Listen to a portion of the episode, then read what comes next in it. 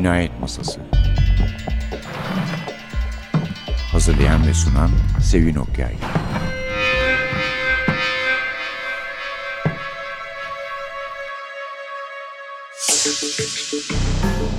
Merhaba, NTV Radyo'nun Cinayet Masası programına hoş geldiniz. Yeni yıl, eski yıl münasebetiyle böyle mülayim cinayet masaları yapıyoruz. Yani veda açısından söylüyorum. Efendim iyi seneler her şeyden önce. Bu programa 14 yıl olmuş diyor Safiye. Ben biraz önden gidiyordum kafamdan böyle 15'e geldik mi acaba diye düşünüyordum ama 14. yıldaymışız ki bir polisiye programı için. Doğrusu fena bir yaş değil. 14 yıl önce demek ki e, Agatha Christie ve Hercule Poirot ile başlamıştık. Onun için bugün de bu yeni yılın ilk programında bir Agatha Christie, Hercule Poirot ile merhaba diyelim dedim. En son çıkan kitabı olduğunu sanıyorum. Altından hayli sık çıkıyor. Hakları altında hala. Yıllardan beri onlar sundu bize. Agatha Christie'yi aynen de devam ediyor. Çiğdem Öztekin'e gelince artık gerçekten bir Agatha Christie çevirmeni. Çünkü uzun zamandır Agatha Christie'lerin tamamını sanıyorum o çevirdi. Dolayısıyla bu kitabımız Mezopotamya'da cinayet, Murder in Mezopotamya da onun çevirisi.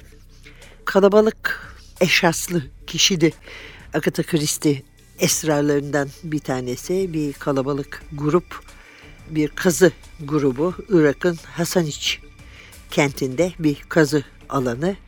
Orada geçiyor ve tabii arkeolojiyle, kazıyla ilgili şeyler de var. Şimdi Agatha Christie her ne kadar kendisini karikatürize ettiği Ariadne Oliver polisiye yazarı hani saçlar dağınık kucağındaki her şeyi düşüren ve boyuna elma yiyen birisi var ya Finli bir hafiye bulmuş kendine. Nereden bulduğunu bilemiyor. Bir de vejeteryan yapmış başını iş açıyor hafiye ve mütemadiyen yaşlanıyor. Poirot gibi tabii. Poirot vejeteryan değildir gurmedir sadece Belçikalıdır. Ve tabii o da hakikaten çok yaşlanmıştı ama öldürme girişimlerinin hoş karşılanmayışı üzerine okurlar tarafından epey bir yaşamıştı. Ama kendisi Dame Christie'nin kendisi her ne kadar Ariadne Oliver'ı hep zehirleri bilemediğini, zehirleri birbirine karıştığını, karıştırdığını, bu yüzden e, okurlarının ona işte protestolar yolladığını, itirazlar yolladığını, itiraz dolu mektuplar yolladığını söyler. Oysa Dame Christie bir eczacıda çalıştığı için gayet iyi vakıftır zehirlere. Onları karıştırması diye bir şey söz konusu değildir. Ayrıca da ikinci eşi bir arkeolog olduğu ve onunla pek çok kazıya birlikte gittiği için kazılarla ilgili hikayelerinde de e, daima duruma hakimdir. Çünkü kendisi de e, hayli bir zaman onların yanında oturmuş ve kitaplarındaki bazı kahramanlar gibi toprağın altından çıkan tarihi eserleri, çanakları, çömlekleri, süs eşyalarını temizlemiş.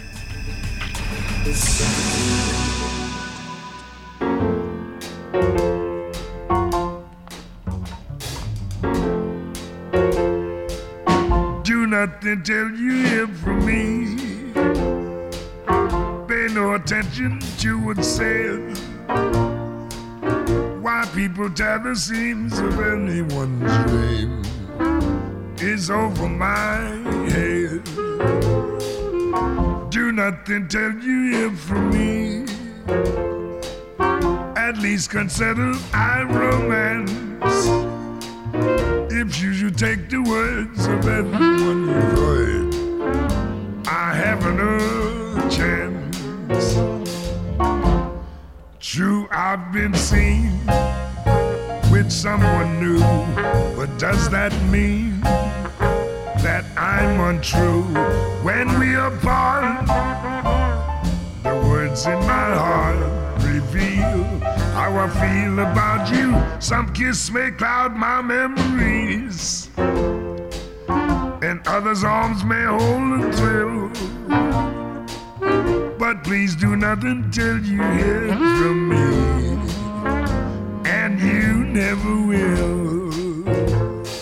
Do nothing till you hear from me. Pay no attention to what says, why people tear the seams of anyone's dream. Mama, it's over my head.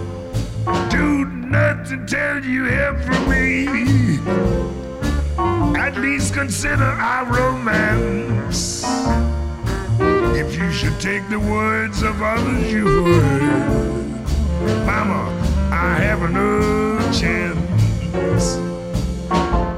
True, I've been seen with someone new, but does that mean that I'm untrue when we apart? Yes, the words in my heart reveal how I feel about you. Some kiss may cloud my memories, and others on may hold a thrill.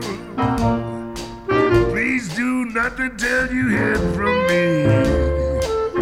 Mama, you never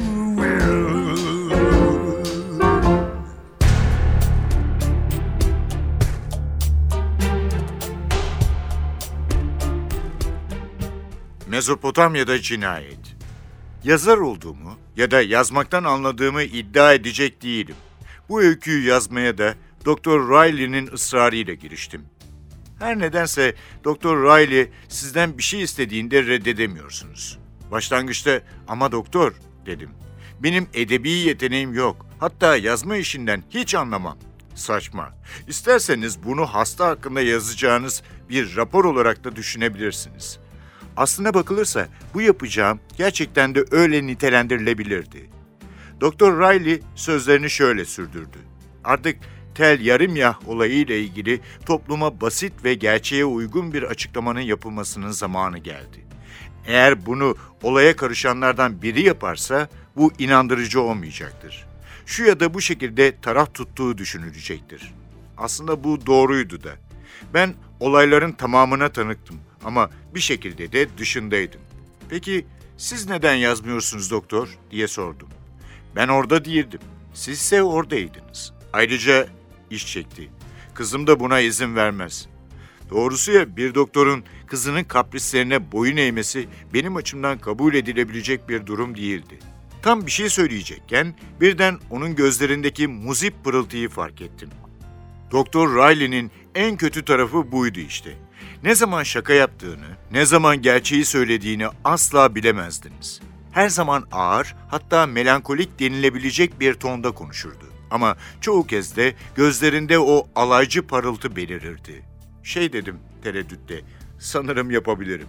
Tabii ki yapabilirsiniz. İyi de nereden başlayacağımı bilemiyorum. Bundan kolay ne olabilir? En başından başlayın. Sona gelince de yazmayı bırakın. Kuşkuyla mırıldandım. Olayın nasıl ve ne zaman başladığından da emin değilim ki. İnanın bana hemşire, önemli olan başlamak. Bir kez başlayınca başlamanın güçlüğü, durmanın güçlüğü yanında hiç kalır. Ne zaman benden bir konuşma yapmam istense bu güçlüğü yaşarım. Hatta çoğu kez beni susmaya zorlamak için birinin eteğimden çekip oturtması gerekir. Şaka yapıyorsunuz doktor. Hayır çok ciddiyim. Evet kararınız. Bir endişem daha vardı. Bir iki dakikalık kısa bir duraksamanın ardından çekinerek sordum. Bu öyküde duygularımın etkisinde kalmaktan, nesnel olamamaktan korkuyorum doktor. İnanın bana, duygularınızı ne kadar yansıtırsanız o kadar iyi olur. Sonuçta bu insanlara ilişkin bir öykü, kuklalara değil.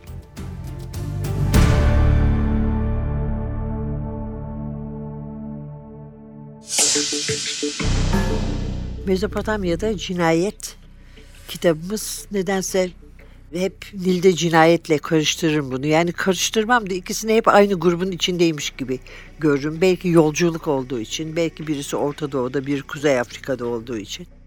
Ama Orta Doğu'da Dame Christie'nin gayet iyi bildiği bir bölgeydi.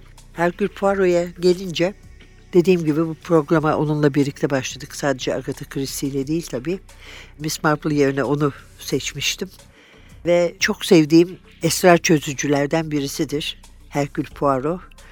Ayrıca her ne kadar filmlerde onu canlandıran, ona can veren aktörlerin hemen hemen hiçbirini başarılı bulmasam da BBC dizisi Poirot'daki David Suchet'in harikulade olduğunu ve Poirot deyince gözümün önüne ne gelirse aşağı yukarı onu canlandırdığını düşünüyorum. Evet efendim Herkül Poirot var bu kitapta. Bir ahbabı aracılığıyla meseleye dahil oluyor tahmin edileceği gibi. Kahramanımız daha doğrusu anlatıcımız bize bu hikayeyi anlatan kişi Amy Lerner'ın. Bir hemşire Irak'ta çalışıyor. Bir çocuklu bir çiftle gelmiş. E, fakat sonra başka bir organizasyon söz konusu olmuş. Kadına bakmak için gelen kişi çocuğa da bakabiliyor. Her neyse işsiz kalmış. Eğer sen aramızdaki anlaşma bitene kadar başka bir iş bulamazsan senin dönüş masraflarını karşılarız demişler. Tam o sırada bir iş teklifi ile karşı karşıya kalmış. Bir tanıdıkları aracılık etmiş ve Doktor Leidner diye biriyle tanışmış. Doktor Leidner bir arkeolog, bir arkeoloji hocası aynı zamanda bir kazı var. Daha önce sözünü ettiğimiz Hasaniç şehrinde, kentinde ve çok da iyi bir ekibi var doktorun. Hemşireyle falan kiminle konuşsa nasıl bir ekiptir, nasıl insanlardı diye herkes ona aile gibi olduklarını, birbirlerine çok yakın olduklarını söylüyor. Ancak Doktor Leidner'in onun eşine bakma, göz kulak olma teklifini kabul edip girdiğinde tam tersine herkesin bir diken üstünde olduğunu, korkulu olmasa da endişeli olduğunu her şeyden şüphelendiğini hissediyor. Mrs. Leidner'in hastalığı kimilerine göre hayal görmek, olur olmaz şeylerden korktuğunu düşünüyorlar. Pencerede sol, soluk bir yüz görüyor, yürüyen el görüyor. Aniden birisi içeri girince yerinden zıplıyor. Yani tuhaf bir korku hali içinde ama öte yandan da Mrs. Leidner fevkalade hoş ve asil bir hanım ve bu rahatsız edici durum ortaya çıkmadan önce önce ekiptekilerin hepsi özellikle genç erkekler ona hayranmış. Ee, o da kocası kocasına gelince kocası sırılsıklam aşık görünüyor ve gözleri daima onun üstünde yanına geldiği zaman bunun haricindeki durumlarda da işinden ayırmak mümkün değil. İşini çok seven bir adam Doktor Leidner. Grupta İngiltere'den, Amerika'dan, Fransa'dan gelmiş kişiler var. Bir tanesi Doktor Leidner'in çok eski meslektaşı ve arkadaşı Richard Carey. Hemşiremiz onun çok güzel bir yüzü, çok güzel bir kemik yapısı olduğunu düşünüyor. Fakat çok resmi, birazcık aksi bile denebilir ve cildi neredeyse şeffaflaşmış kemiklerin üzerinde gerilmekte.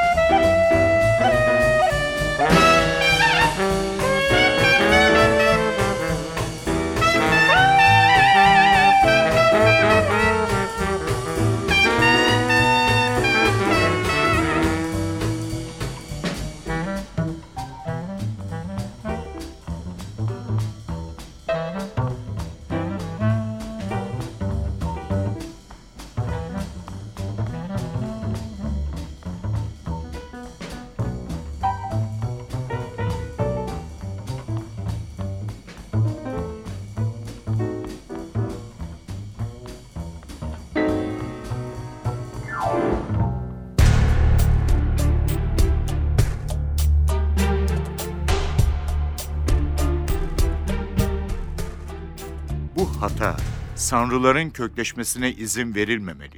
Soğuk, alaycı bir tonda, tabii bunlar gerçekten sanrıysa dedim. Başka ne olabilir ki? Yanıt vermedim. Çünkü ne söyleyeceğimi bilmiyordum. Tuhaf bir durumdu bu. Silah sesleri duyan, sinirleri bozuk bir kadının bağırması doğaldı. Ama sarı yüz ve havada dolaşan el gibi tuhaf öyküler farklıydı. Bütün bunlardan iki sonuç çıkarılabilirdi. Ya Bayan Leitner aynen küçük çocukların tüm dikkatleri üzerlerine çekmek için yaptıkları gibi bir takım düzmece öyküler anlatıyordu ya da kadına kasten çirkin bir oyun oynanmaktaydı. Bu ancak Bay Coleman gibi kuş beyinli genç bir adamın komik bulacağı bir durumdu. Onu göz hapsine almaya karar verdim. Sinirleri bozuk bir hastaya böyle şakalar yapmak onun çıldırmasına yol açabilirdi. Bayan Mercado beni yine yan bakışlarla süzüyordu. Louis çok saf ve romantik görünüyor değil mi hemşire? Üstelik başına gelmedik kalmamışken. Başına çok şey mi gelmiş diye sordum. İlk kocası Louis daha 20 yaşındayken savaşta ölmüş. Bence bu çok hüzünlü ve romantik bir olay. Sizce de öyle değil mi? Alaycı bir havada bu kaza, kuğu demek gibi bir şey dedim. Ah hemşire, ne sıra dışı bir benzetme bu. Aslında söylediğim gerçeğin ta kendisiydi. Birçok kadının ah keşke Arthur ya da Donald ya da adı her neyse şimdi yaşasaydı dediğini duyarsınız. Bense böyle zamanlarda ister istemez herhalde hayallerini süsleyen o delikanlı yaşasaydı şimdi orta yaşlı, şişman, aksi, hiç romantik olmayan bir koca olurdu diye düşünmekten kendimi alıkoyamıyorum. Hava kararıyordu. Bayan Mercado'ya aşağıya inmeyi önerdim. Bayan Mercado da bunu onayladı. Sonra da bana laboratuvarı görmek ister misiniz diye sordu. Kocam herhalde hala orada, çalışıyor olmalı. Bundan mutluluk duyacağımı söyledim. Birlikte laboratuvara gittik. Lamba yanıyordu ama içerisi boştu. Bayan Mercado bazı araçları, temizlenmekte olan bakır eşyaları ve üzeri bal mumuyla kaplı kemik parçalarını gösterdi. Sonra da Joseph nerede acaba diye mırıldandı.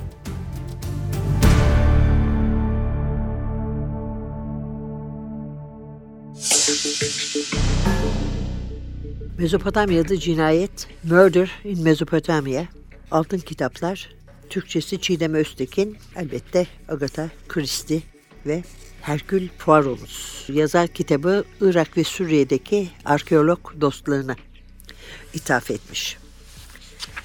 Hemen bu noktada Hayatım kitabına bir dönelim isterseniz. Çünkü Agatha Christie'nin hayatı her ne kadar gayet iyi bilinse de daha fazla üzerinde durulan kısmı genellikle o birkaç günlük kayıp olayı oluyor biliyorsunuz. Hani Perapalas'ta mıydı, İngiltere'de miydi, nereye gitti, öldü mü, kayıp mı oldu diye heyecan uyandıran kısım. Ama o kısım yani o ruh hali onu kaçmaya sevk eden şeyler tamamen ilk kocasıyla ilgili. İlk kocası Archibald Christie hep soyadını kullandığı sonuna kadar 1914'te evlendiler. Hava kuvvetlerinde çalışan bir genç adam Birinci Dünya Savaşı arifesinde. Cepheye gidiyor. Agatha Christie de Torquay'daki Kızıl Haç Hastanesi'nde eczacı olarak çalışıyor. İşte eczacılıkla ilgili bilgilere sahip olması da bu dönemin bir artı puanı olarak defterine yazılmış. Zaten onu bir dedektif romanı yazmaya yönlendiren de bunlar olmuş bu zehir ve ölüm hakkında edindiği bilgiler. Savaştan sonra da 1919'da kızı Rosalind dünyaya geliyor. 1920'de ilk romanını bitiriyor. The Mysterious Affair at Styles. Staz'daki esrarengiz vaka diye sanıyorum aktan çıkmıştı. Açık mavi bir kapağı vardı. Çok severdim onu. İlk öyle okumuştuk. O ilk çeviri belki. İlk değildir mutlaka çünkü sonradan bakıyoruz pek çok polisiye kitap zamanında çevrilmiş ve hepsi de Abdülhamit için değil yani basbayağı normal okurlar için de çok çevrilmiş.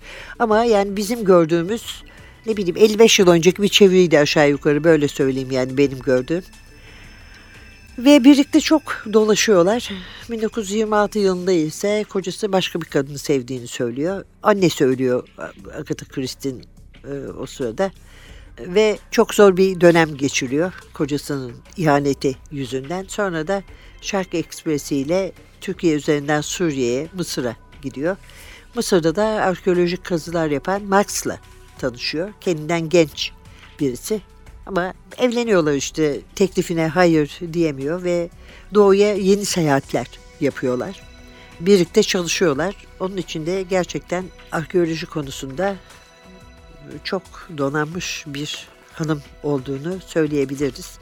Zaten genelde hayatından mekanlar, beceriler, karakterler çok kullanmıştır kitaplarında.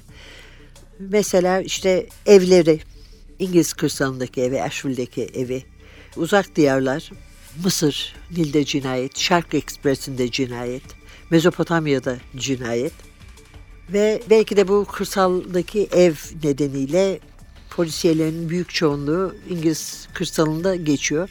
Ama biliyorsunuz zaten altın altın dönemde bununla çok karşılaşıyoruz. Yani o kırdaki evlerin büyük kütüphanelerinde şömine gürül gürül yanarken dedektif ya da polis, genelde dedektif tabii, hepsini özel dedektif salonda toplayıp kendisi tercihen ayakta durarak herkesi teker teker eleyip sonunda katili ifşa eder.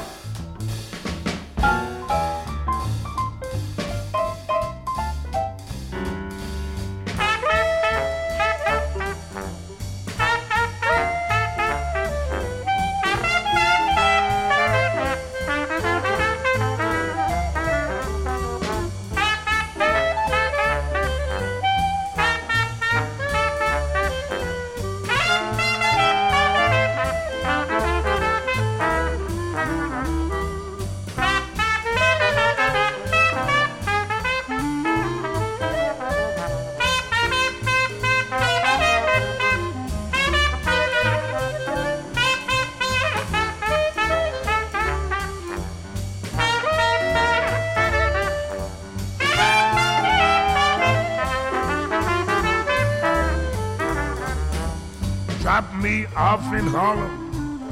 Yeah, good old Harlem. You have your fun under the Harlem sun. So drop me off in Harlem. There's Duke Ellington up in Harlem. He writes all his tunes in Harlem. And old Satchmo's still swinging mm, way up in Harlem. All the cats are still up there. They're beating out those riffs and Apollo, Puerto Rico, give you a great big lift. Yes, drop me off in Harlem. Yeah, man, beautiful Harlem. You get red beans and rice, it's very nice. Up there in Harlem, that is.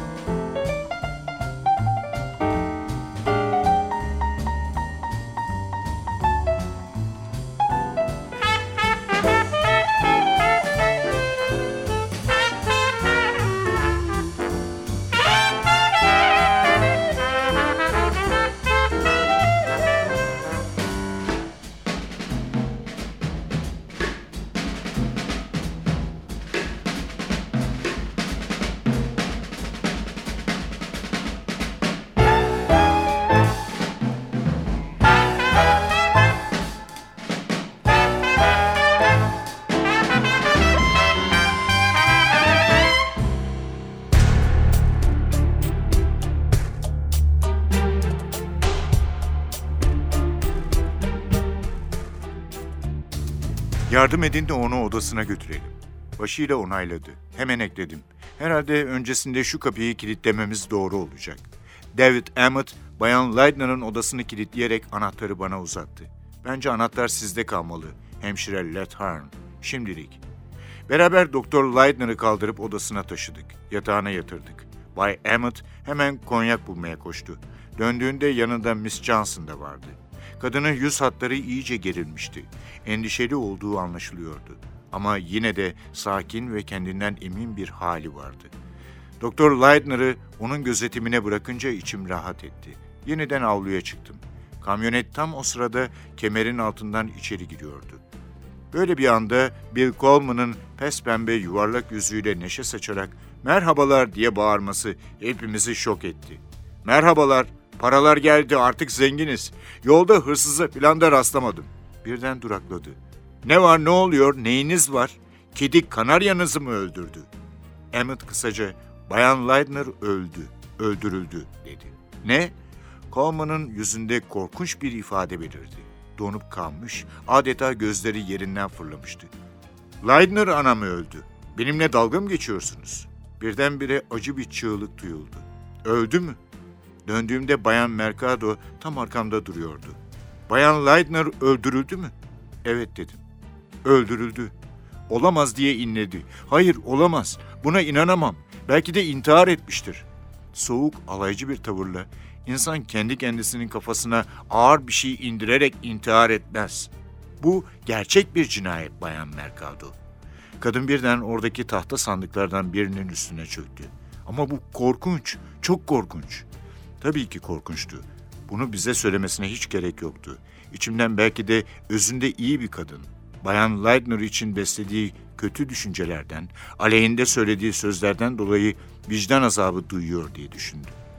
Kısa bir sessizlik oldu. Sonra Bayan Mercado soluk alamıyormuşçasına bir sesle sordu. Peki şimdi ne yapacaksınız?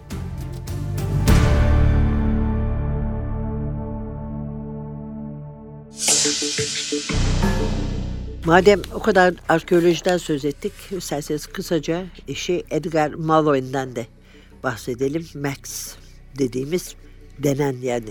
Daha önce Leonard Woolley'nin yanında çalışmış Ur'da çırak olarak. Bu da biliyorsunuz Mezopotamya uygarlığının baş şehri merkezi olarak düşünülüyordu. Agatha Christie ile de Ur'da tanıştılar 1930'da.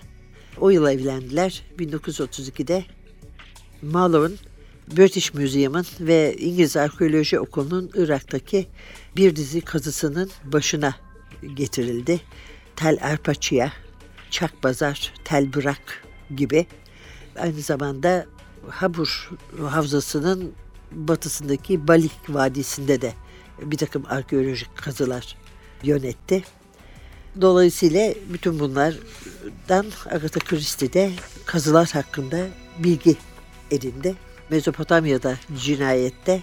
Onun için onu mekan, ülke ve yerli halk konusunda bu kadar rahat görüyoruz. Rahatça onlardan söz ediyor çünkü hepsi bildiği şeyler. Karakterlere gelince yerli halk evet ikincil rolleri var. Ama e, zaten grubu oluşturan insanların hemen hemen hepsi batıdan gelmiş.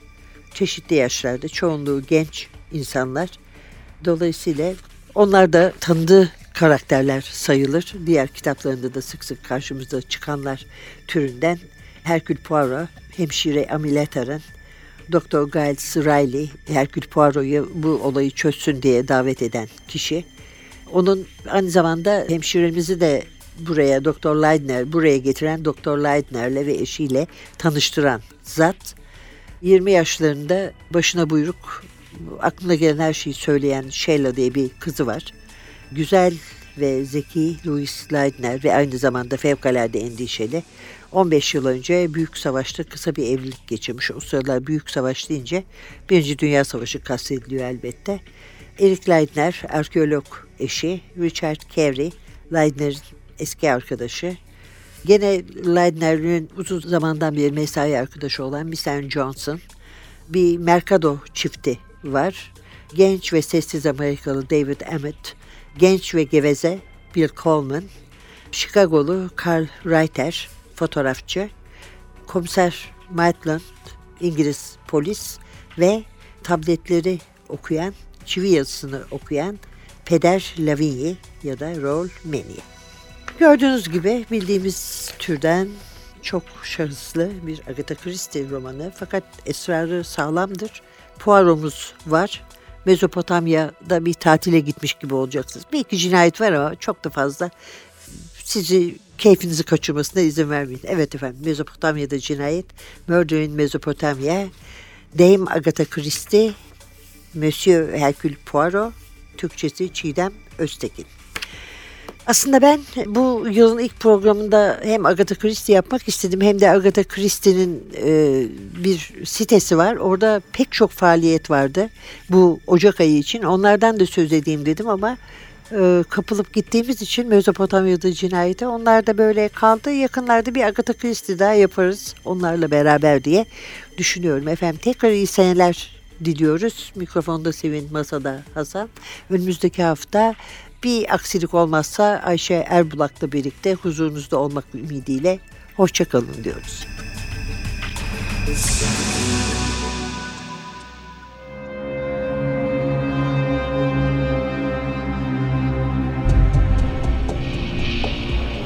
Cinayet Masası Hazırlayan ve sunan Sevin Okyay